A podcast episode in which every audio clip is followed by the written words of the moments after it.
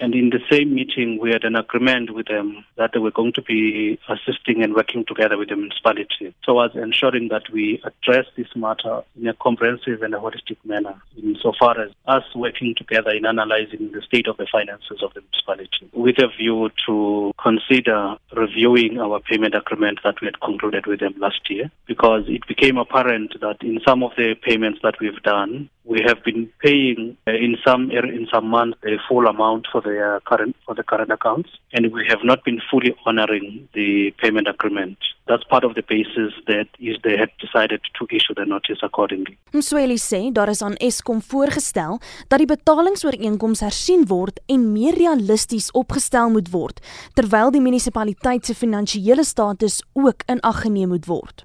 It's important to note that there is a challenge we're having as a municipality because in three of the wards that we have of the nine, we are not supplying electricity. ESCOM is supplying electricity in those three wards. And that hampers us in enforcing the credit control policy as well as the measures that we should be optimizing collection in these three wards. And consequently, our debt book in the three wards has been accumulating quite a lot.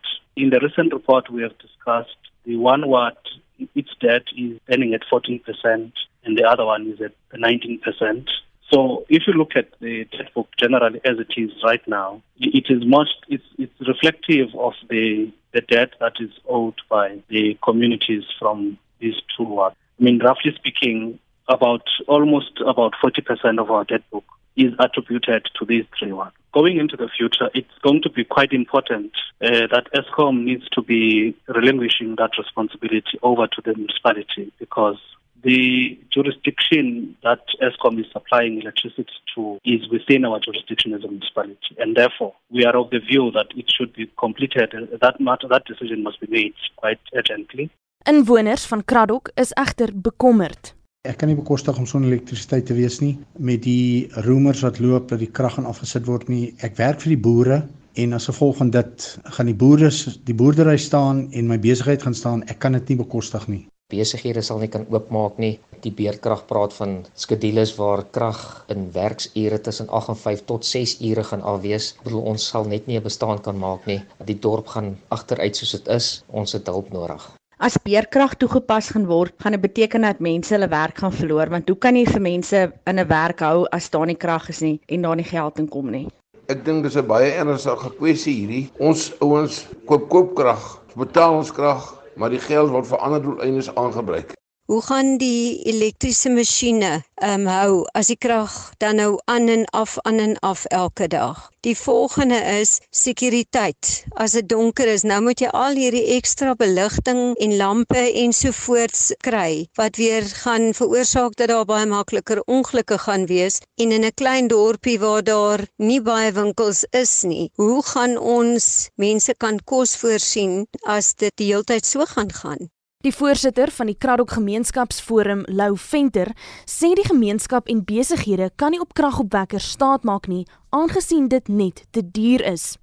Venter sê die gemeenskapsforum het 'n vergadering met die munisipale bestuurder gereël waarin onder meer probleme met krag, water en riool bespreek is. Die kragsituasie is basies kom al 'n geruime tyd. Die begroting min of meer van Kraddock is net nie genoeg om uh, of die inkomste is net nie genoeg om al hierdie onderhoude te doen as sowel as om vir Eskom te kan betaal nie. Ons sit met net te veel amptenare in die munisipaliteit wat as verdien. Uh ons maak te veel gebruik van uh, dienste van buite af vir die om die munisipaliteit te help. So dit is dubbele betalings wat wat uitgaan. En as jy gaan kyk na die begroting, jy kan dit kry by een van die raadslede, sal jy sien dat dat 'n baie baie klein bedrag hier uit daai begroting uitgaan vir vir onderhoud. Wanneer daar kragonderbrekings in die gebied is, kan waterpompe nie aangedryf word nie, wat lei tot geen krag en geen water.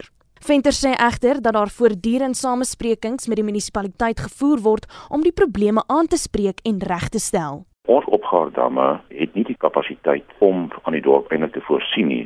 So as daar 'n kragonderbreking is vir, vir net 'n paar uur, dan begin die reservoirs leegloop en dan sit die dorp sonder water. Dis hoekom die pompe die hele tyd moet moet hardloop omdat daar in die reservoirs net nie eenvoudig genoeg water kan voorsien vir byvoorbeeld 48 uur wat dit veronderstel is om te kan kan voorsien as daar kragonderbreking is nie. Ons sit ook met skole, ons sit met 'n groot ouetehuis wat nie sonder krag kan gaan nie en wat nie uh, kragopwekkers het nie en ook nie kan bekostig om kragopwekkers te laat loop nie. Die wijkraadslid van wijk 5 in Ingquba Yetemba munisipaliteit en die hoofsweep in die oppositie DA Caucus, Rika Fanshaw, sê daar is reeds 4 afbetalingsooreenkomste met Eskom aan die raad voorgelê. Die munisipaliteit kon nooit by die ooreenkomste hou nie. Die probleem is dat hulle nie die rekening, die Eskom skuld as 'n prioriteit hanteer nie. Ek is bevrees dat hierdie situasie is uiters plofbaar en dat die impak van die opgeskorte voorsiening baie negatief op ons ekonomie sal inwerk. Ons het hoë werkloosheid en lae ekonomiese groei